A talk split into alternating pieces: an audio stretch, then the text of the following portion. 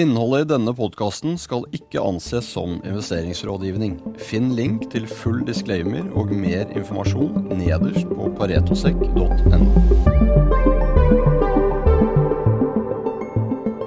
Hei og velkommen til en ny episode av Paretopodden. I dag skal vi fokusere på det som ble lagt frem fra regjeringen i går, og da spesielt for havbruksnæringen eh, og produksjonen av laks, ørret og regnbueørret.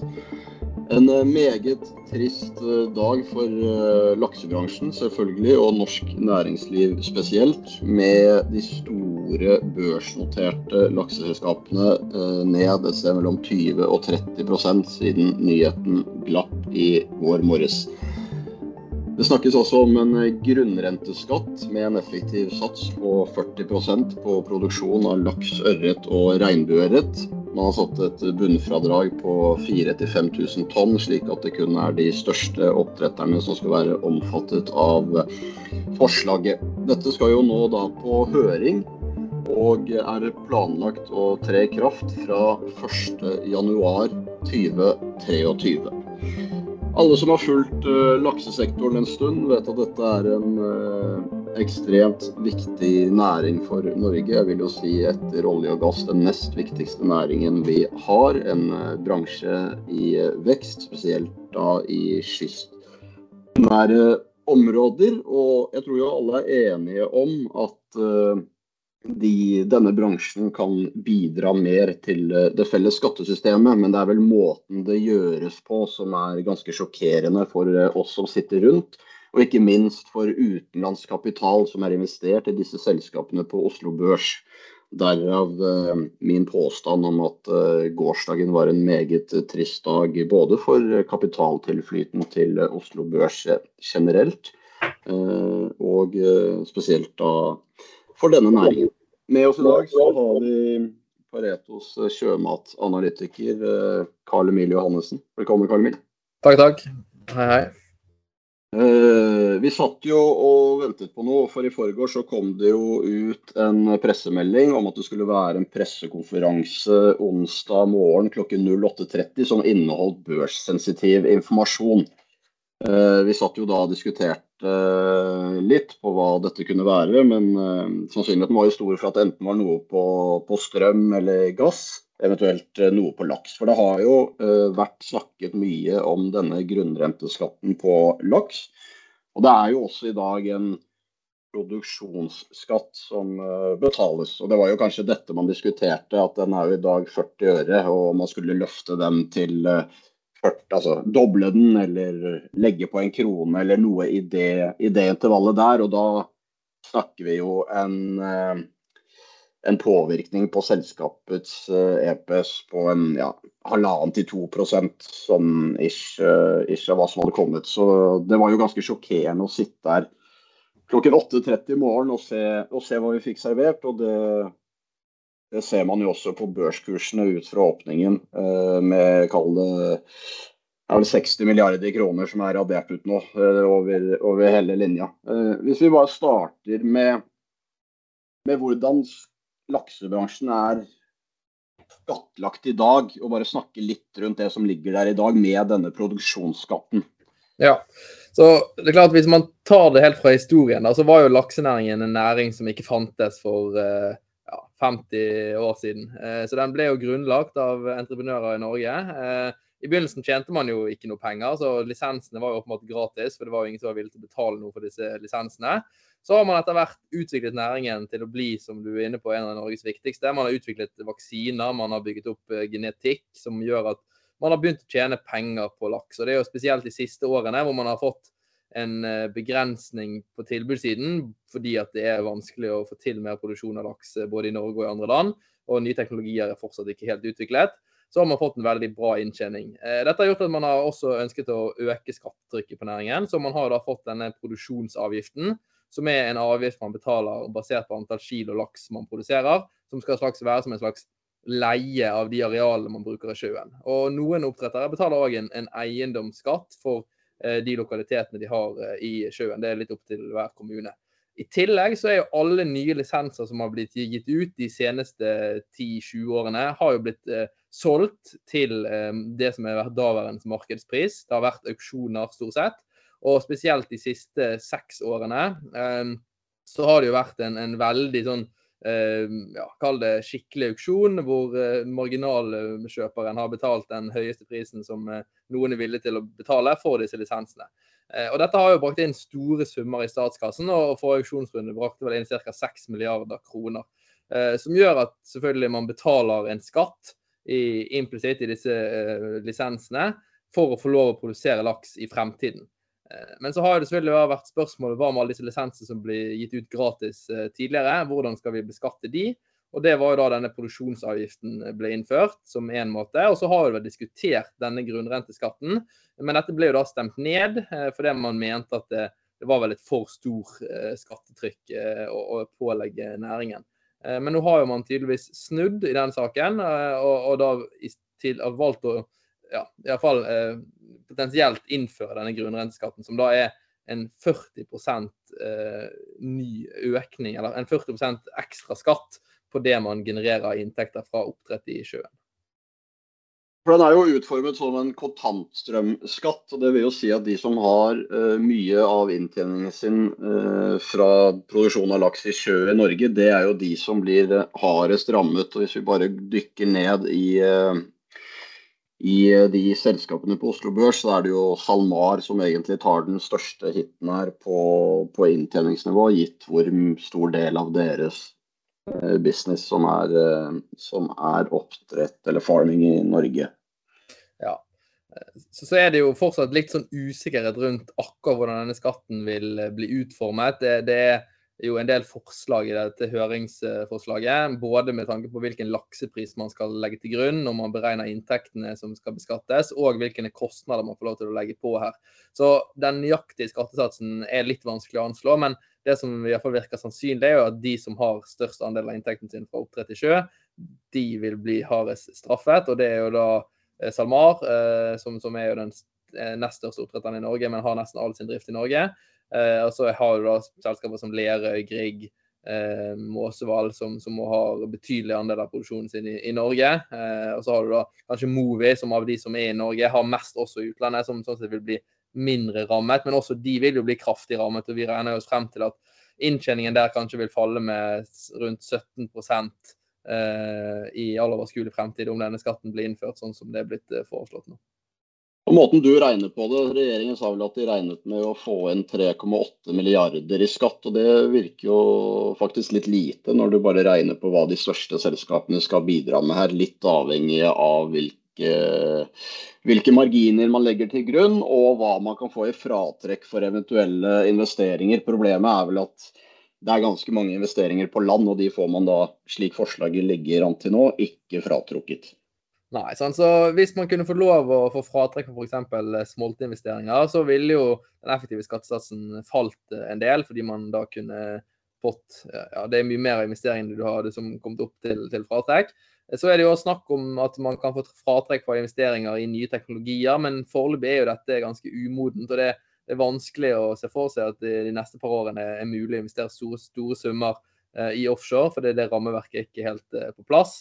Eh, så, så, da det jo, blir det en relativt høy effektiv skattesats når det ikke er så mye ting å investere i, i produksjon i sjø i dag. Eh, men her er det jo fortsatt en del usikkerhet, og det kan godt være det blir noen endringer på dette her. Eh, men, eh, men det er iallfall dette som ligger til grunn for øyeblikket.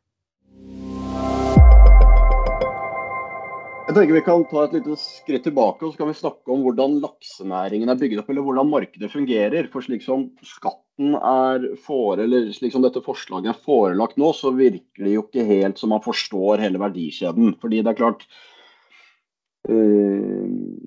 her er det en, en, en, teoretisk skatt på eh, beløper som man har sett på et papir. Men dette er jo en bransje som leverer store mengder mat ut i Europa til store retailere ut i Europa. Det er jo ikke sånn at du følger en spotpris hele tiden. Vi følger spotprisen på laks. Men disse kontraktene går jo over en lengre periode og binder seg til uh, altså Vi har jo futurespris på laks, som det er ikke nødvendigvis det mest likvide markedet. Men kan ikke du bare dra oss igjennom oppbygningen og hva som da skjer med dette markedet, gitt det forslaget som ligger til grunn, og hvorfor det for markedsaktørene blir veldig mye mindre visibilitet. Mm. Så Hvis vi begynner med, med, som du er inne på da, markedssiden, så er det jo de aller fleste store oppdrettere, eh, og for så også mellomstore og til og med mange av de små, har jo fysiske kontrakter med store kunder i både Europa, USA og Asia, hvor de blir enige om et gitt volum, eh, og også ofte til en fast pris. Så f.eks. Eh, selskaper som Lerøy og Movi, som er kanskje de som har tettest eh, eh, kontakt med, med, de store retailerne, de blir jo da enige om en, en fast pris som de skal selge laksen sin, om det heter til Carrefour eller Aldi eller Lidl eller uh, Mark Spencer. Um, og så uh, lager de et produkt som de da selger til retail, og så får de betalt for dette. her. Og så har du dette spotmarkedet, som, som er jo noe vi følger på ukentlig basis. Uh, her blir jo noe av fisken solgt, men hvis man ser på de volumene som typisk blir solgt i spotmarkedet, så er jo det en uh, veldig mye mindre andel enn en det som er totalvolumene. Kanskje ned mot 20-30 Eh, og klart, Hvis det er den spotprisen som skal bestemme hva slags inntekter du skal bli beskattet for, så vil jo det være risikabelt å inngå kontrakter. For Hvis du er da så uheldig å inngått en kontrakt som plutselig ender opp med å bli mye lavere enn eh, spotprisen, så vil du bli beskattet basert på at du i teorien kunne ha solgt fisken din til en høyere pris.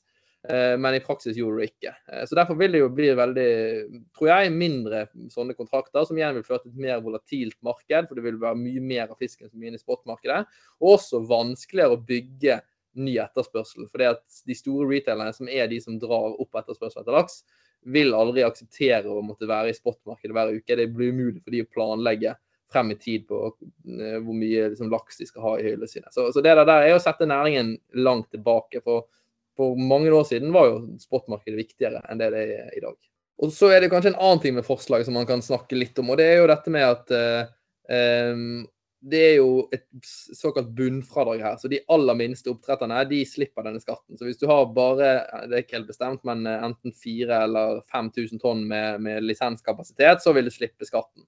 Um, det er jo gjort selvfølgelig for å, en måte skjerme de små uh, familieeide oppdretterne. men veldig mange av oppdretterne som også er familieeid, er jo fortsatt større enn dette her. Så, så de aller fleste som produserer noe vesentlige volumer, vil jo bli truffet av skatten. Eh, og Det som man kan si er litt sånn ironisk, er jo at nå blir det da et egentlig insentiv til å bli liten, eh, og dermed slippe unna skatten. Eh, og Dette vil jo føre til også en mer ineffektiv produksjon, ved at man får mindre samordning av brakklegging, sånn sett mer luseproblemer, potensielt mer sykdom. Eh, og også da en høyere kostnad med å produsere laksen enn det man har sett eh, at store selskaper kan klare å få til. Og Hvis man ser på andre land, f.eks. Eh, Island og Færøyene, hvor man er i en oppbyggingsfase, så har man jo få store aktører, og, det gjør jo at man klarer å drifte på en, en god måte. Og også i Norge så ser man jo at de områdene hvor det er få store aktører, driver jo stort sett bedre enn de områdene hvor det er veldig veldig mange små aktører. Så jeg vil jo si at det er flere ting her med dette forslaget som, som kanskje ikke er helt ja, vet ikke, godt nok gjennomtenkt eh, før det blir, ser ut ja, ja, i hvert fall er foreslått innført. For én ting er jo grunnrenteskatten, men det er klart du har utbytteskatt, du har formuesskatt. Effektiv skattesats her er jo, er jo, langt over de 40 man, man, fikk servert i går. Vi snakker jo, og Det er litt forskjellige regnestykker på det. Selskapene selv var vel ute og sa 62 i går, men hvis du drar det ut til eierne i Norge igjen, så er vi vel fort oppe på 75-76 ja, nei, det, det, er klart det er blitt et uh, kraftig skattetrykk. Uh, og, og, Det snakkes jo også om at uh, de private selskapene skal jo da få en økt verdsettelse av, av, lisensene sine i den formuebeskatningen. Og klart Nå kan det være at de lisensene faller litt i verdi, så at den økningen ikke blir så stor. Men uansett så vil det jo det, blir, det er mye skatter som gjør at totalt sitter jo du igjen med veldig mye mindre enn det man gjorde tidligere. Det som jo er veldig synd, og som én ting er jo den direkte skatten, men alle de indirekte følgene her, eh, den virker jo ikke som alle helt eh, forstår ringvirkningen av. Det vil jo si alle, ja, alle, alt som er blitt etablert langs kysten, alle trailere som kjører inn og ut med fisk. Altså alt som følger med disse merdene i sjøen, hvordan det har blitt bygget opp, hvor mange arbeidsplasser det skaper. Eh, på den ene siden. På den andre siden er jo det som skjer på børsen, og det er jo sånn som SalMar, som har levert historisk de høye marginene, som har hatt best drift. De har jo da en høyere multiple i markedet. Det gir dem da en, selvfølgelig en høyere markedsverdi, men også en mer komfort i forhold til fremtidige investeringer. ikke sant? Alt det forsvinner jo, det forsvinner jo litt her nå. Ja. Så det er ikke bare det at du får skatten så kan du regne på hvor mye det slår, men i prinsippet alt annet like, så slår det jo enda litt mer fordi visibiliteten for hele næringen har blitt dårligere. Ja, og det er klart som selskap, hvis du sitter og ser på hvordan din aksje prises, og på en måte implisitt hva slags avkastningskrav eh, investorene setter på, eh, på, en investering i laksebransjen, så har jo den gått opp. For selv om jeg nå eh, på en måte eh, regner med en, en, kutt i estimatene eh, pga. denne skatten, så har jo aksjene egentlig mange av de falt enda mer enn dette her, fordi at multiple har, har falt. Eh, og Det gjør jo også at nye investeringer jo vil man jo tenke seg om en gang til, fordi man ser at avkastningskravet har gått opp. Eh, og Da vil det jo også bli flere, færre nye investeringer som sånn sett vil bli lønnsomme. Eh, så, så det er jo en del følgeeffekter som, som vil komme her av at man innfører en sånn her type skatt. Hvis vi legger til grunn at det forslaget som nå ligger på bordet vi, Det er jo mye som er usikkert her, men eh, vi får nå, snakke etter eh, det vi foreløpig har å forholde oss til. Hvordan ser du for deg at eh, man kan at man kan effektivisere driften sin best mulig i forhold til produksjon i sjø mot prosesseringen? Skulle jo tro at man skulle være interessert i å flytte en del av marginen fra sjø opp til prosesseringsleddet? Skal man legge mer giring, altså mer gjeld på den delen man har i sjø? Hva, hva er dine initielle tanker eh, rundt organiseringen av, av hele verdisiden på, på fisk i Norge nå? Er klart Hvis man skal tenke litt sånn skatteplanlegging, så vil man jo selvfølgelig ønske å legge mest mulig av kostnadene og minst mulig av inntektene på det som skjer i sjøen, hvor du faktisk får denne økte skatten. Eh, på kostnadssiden kan man jo tenke at man kan jo selvfølgelig si at plutselig at smolten skal bli litt dyrere, eh, en andre innsatsfaktor skal bli litt dyrere, men, men, det vil bli vanskelig å øke disse kostnadene for mye. Da, da vil det jo det helt sikkert bli en gjennomskjæring. Eh, på prissiden så er det jo klart at hvis man hadde kunnet legge mer langsiktige kontrakter inn til videreforedling, og, og, sånn sett kanskje legge litt mer av inntekten der, så ville jo det vært ønskelig. Men det kan jo bli litt vanskelig da, med denne normprisen, altså spotprisen som skal legges til grunn, så gjør at det kanskje ikke er så lett eh, å, å, få lagt en, en, del av profiten over der. Eh, så, så, det er nok litt sånn begrenset hva man kan gjøre av, av tilpassing. Eh, og dette med selvfølgelig å, og, eh, selge seg ned og liksom heller har mange små selskaper, er jo selvfølgelig også en måte å unngå på. da, Men da kan du ikke være en, en del av samme konsern, så, så det skaper jo en del sånn vanskeligheter, uh, det også. Så klart, Det man kan se, er jo disse store selskapene, sånn som uh, spesielt Movi, i alle andre land, at de vil heller uh, fokusere på vekst utenfor Norge. man vil ja, rett og slett starte å investere mer i andre områder, selv om Norge i utgangspunktet har vært en av de mer attraktive stedene å investere, så vil jo dette her endres litt nå. Eh, og vi har vært litt inne på nye teknologier. altså klart eh, Offshoreoppdrett, eh, hvis det virkelig blir suksessfullt, så, så er det jo òg her eh, en diskusjon om man da ønsker å legge dette her andre steder enn i Norge, hvor skattetrykket er lavere. Eh, for det havet er jo ganske likt om det er utenfor Shetland eller utenfor, eh, langt utenfor Frøya. Um, og så er det jo dette med landbasert oppdrett, som også er en måte å vokse på. Uh, og på relativen blir jo landbasert oppdrett mer attraktivt, fordi at der er det ikke verk, altså I utlandet er det jo her i alle fall ingen grunnrenteskatt, men også landbasert oppdrett i Norge er jo unntatt denne grunnrenteskatten. Uh, så det får man kanskje en dreining mot sånne type investeringer, som, som kanskje samfunnsøkonomisk ikke er så uh, fornuftig, gitt at egentlig så er det jo eh, billigere å produsere laks eh, i sjøen. Eh, selv med noe mer skatt hadde det fortsatt vært billigere, men med en så kraftig økning så, så kan man jo begynne å diskutere hvordan lønnsomheten er med, med de forskjellige typer teknologiene. For det er jo, Vi fikk faktisk det spørsmålet fra en av lytterne våre. Er man 100% sikre på at landbasert oppdrett ikke blir berørt av den nye skatten? Og akkurat nå så er man vel ikke 100% sikker på noen ting, men slik det ligger an nå, så blir ikke de berørt. Nei. Og så kan man jo selvfølgelig, hvis man virkelig skal bli eh, pessimist her, så kan man jo selvfølgelig si at i alle fall i Norge, noen eh, av de måtene man skal produsere på land, er jo selvfølgelig også gitt at man har de norske naturgitte forholdene. Så hva som skjer på sikt, er jo usikkert. Dette gjelder jo òg andre oppdrettsarter. Sånn man har jo nå begynt å prøve seg igjen på torskeoppdrett, på, på kveiteoppdrett. Her er jo det ikke noe særlig lønnsomhet for øyeblikket, men det var det jo heller ikke på laks i starten. Og det står jo dette høringsforslaget at vi begynner nå med laks, ørret og regnbueørret, og så får vi se, står det jo da sånn mellom linjene, eh, hva gjelder andre arter på sikt. Så det er klart det er jo litt uheldig for alle som ønsker å investere i sjømatnæringen i Norge, at dette her skatteforslaget kommer, spør du meg. Jeg vil, tørre jeg vil jo tørre å gå så langt som å si at det var en trist dag for, for AS Norge i går. Gitt, gitt man, man, regner med at man bor i et land hvor det er et politisk rammeverk som er eh, relativt greit å forholde seg til. Og det gjelder jo spesielt da utenlandske. Og igjen, det er jo ingen som ikke er enig at, at denne bransjen kan skattlegges litt mer. Men det er jo måten det skjer på som er litt sjokkerende, og det ser man jo eh, når det forsvinner 60 milliarder kroner, slik vi så i går og på morgenen i dag. Mm. Så er det jo noe som ikke har vært ventet. Vi har fått eh, noen andre spørsmål fra lytterne våre òg. Hvordan vil den nye skatten påvirke forward laksepriser? Vi var jo litt inne på prismekanismen i sted, men eh, jeg vet ikke om det er så mye mer altså, å si om det. Men uh...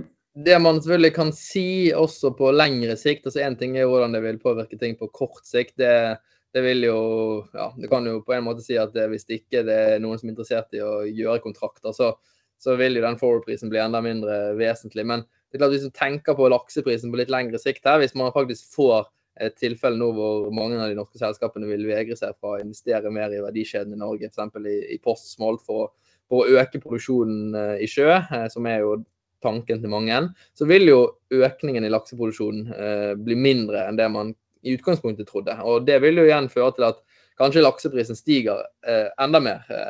Og Det vil jo være positivt, selvfølgelig, men det vil jo da være mest positivt for de som ikke er i Norge, som nå kan vokse mer på en høyere laksepris og sitte igjen med, med mer penger på bunnlinjen. Så selv om det er også selvfølgelig bra for de norske med høyere laksepriser, så det jo, går det jo da på bekostning av mindre volum. Altså summen blir nødvendigvis ikke så positiv.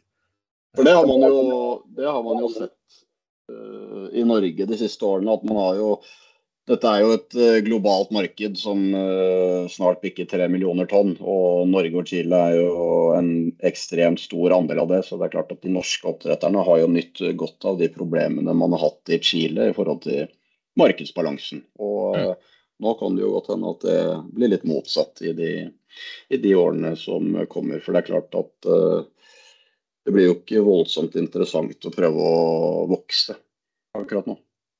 Nei, det iallfall eh, må være ekstremt mye mindre fristende eh, enn det det var eh, for eh, ja, 48 timer siden. Og hvis du ser på de store norske, så har de vært litt sånn eh, forsiktige med Chile. Det er jo kun Movi og Cermaq som er der, men de har jo ikke villet investere så mye der. Og det har jo vært litt negativt for den chilenske næringen. Eh, men klart, det kan jo absolutt snu nå, hvis man ser at rammebetingelsene der er mer gunstige eh, enn de i Norge.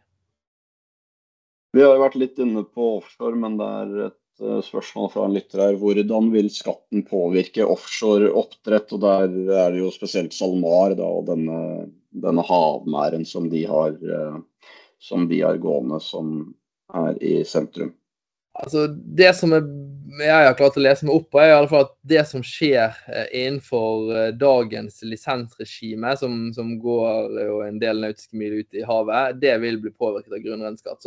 Så så, sånn som den salmarmæren som eh, har vært produksjon på nå, som har ligget sånn sett innenfor eh, disse produksjonsområdene, der vil du få grunnrenteskatt på lik linje med tradisjonell oppdrett.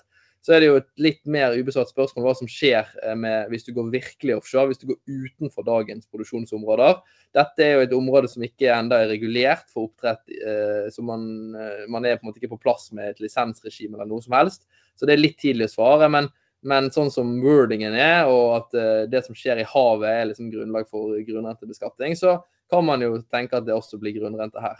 så kan man si at her er det jo store investeringer som må til for å komme opp i volumer. Og hvis staten da tar en, en, stor andel av de investeringene, som, som er foreslått i dette forslaget, så, så, er ikke den grunnrenteskatten så negativ for offshore, eh, virkelig offshoreoppdrett, sånn som det er for de tradisjonelle, som ikke har måte, de samme investeringsbehovene i eh, utstyr i sjøen. Så, så, det er nok ikke så negativt der, og, og, kanskje til og med ganske nøytralt for det som skjer eh, virkelig offshore, eh, ved at staten tar en, en del av investeringskostnaden. Så det er litt mer sånn som oljebransjen, hvor man har også fått uh, igjen uh, veldig mye av de investeringene man gjør. Så er jo det som er faren da, er jo om da selskapene plutselig begynner å overinvestere for å få mindre skatt, og, og investere i ting som ikke egentlig er lønnsomt. Uh, så, så, det må man jo passe på. Og på olje og offshore gass er det jo ganske strenge eh, retningslinjer på hvilke prosjekter som blir godkjent. og Det kan jo være man får noe tilsvarende her. Eh, det vil jo tiden vise. Men det er klart det er ingen tvil om at politikerne blander seg jo mer inn i dette som eh, skjer i næringen. En næring som egentlig har bygget opp seg selv uten altfor mye politisk innblanding historisk. Selv om det selvfølgelig har vært reguleringer og sånt som har, har vært viktige. Så ja, har det vært mye entreprenørskap og Eh, ja, drivkraft blant eh, mange langs kysten. Det er, jo, det er jo akkurat det som er poenget. At uh, det er jo mange som har lagt investeringsbeslutninger til grunn de siste årene basert på et rammeverk som ligger der, og derfor en del reagerer på, på tidslinjen her. da. Det er eh, tre måneder til dette i prinsippet skal innføres. og På laks har det vært snakket om grønnrenteskatt, og det er, eh, det er, jo som vi har snakket om helt før, det er jo kanskje enda verre i, eh, i på vindsiden, hvor du har typ utenlandskapital om det her, som er ganske langsiktig, som har gjort tiårskalkyler som ikke ser like attraktive ut nå. Det er klart at dette, dette, får ringvirkninger for Norge som et sted å investere penger. Jeg tror vi har vært igjennom Det var ikke meningen at dette skulle bli altfor langt. Det er bare en kort oppsummering av, av, en nyhet som kom i går. Som sagt, dette er et forslag som nå skal ut på høring eh, gjennom diverse embetsverk osv. Men slik det ligger an nå, så taler jo mye for at det blir stemt igjennom. Eh, og så får vi se hvilken form eh, det til slutt ender opp på. fordi fra, fra vårt ståsted, Carl Emil, i forhold til eh, hvordan denne bransjen selger inn til retail og hvordan markedet fungerer, så må det nok gjøres noen justeringer her for at, skal, for at markedet rett og slett skal fungere. Ja, nei, jeg tror absolutt at det vil bli noen justeringer her. Og så er jo det som er det store spørsmålet, og det som vil være viktig for aksjene, er jo også hva slags skattesats man ender opp med å innføre. Eh, og nå ser det kanskje ut som markedet priser inn liksom, disse 40% og eh, her er det vel også en, en viss, eh, viss, form for diskusjon. Eh, og så vil det jo selvfølgelig også være viktig at i alle fall rammebetingelsene hvordan skatten vil treffe, ikke gjør at hele industrien må, må endre hvordan de drifter. Det tror jeg vil vært veldig uheldig for eh, alle parter. Eh, og så er det som du har vært inne på, det, jeg tror næringen er, har jo vært mer og mer forståelsesfull for at de skal bidra mer med mer skatt. Og de føler jo også at de gjør det ved at denne auksjonsrunden drar inn så mye penger, og også denne produksjonsavgiften. Men jeg tror jo at når man ser hva som er worst case her, så er man jo også villig til å selvfølgelig betale noe mer eh, løpende skatt eh, også. Så vi får se. Det, det er jo nå tre måneder med, med, mye frem og tilbake, så det vil sikkert svinge litt eh, informasjonsflyten. Men eh, vi skal nå følge med og, og holde dere oppdatert eh, underveis. Det er uh, veldig bra. Dette har vært en uh, ekstremt viktig uh, sektor de siste årene, spesielt med tanke på at olje og gass har vært litt nede for telling i forhold til det å tiltrekke seg utenlandsk kapital til Oslo Børs. Så vi håper at rammeverket fortsetter å være pålitelig. Men eh, det kan dere følge med på eh, gjennom Carl Emils sine analyser. Og det er jo ikke sikkert at siste ord er eh, helt sagt i denne saken. Takk for at dere lyttet på. Så ses vi snart igjen. Hei.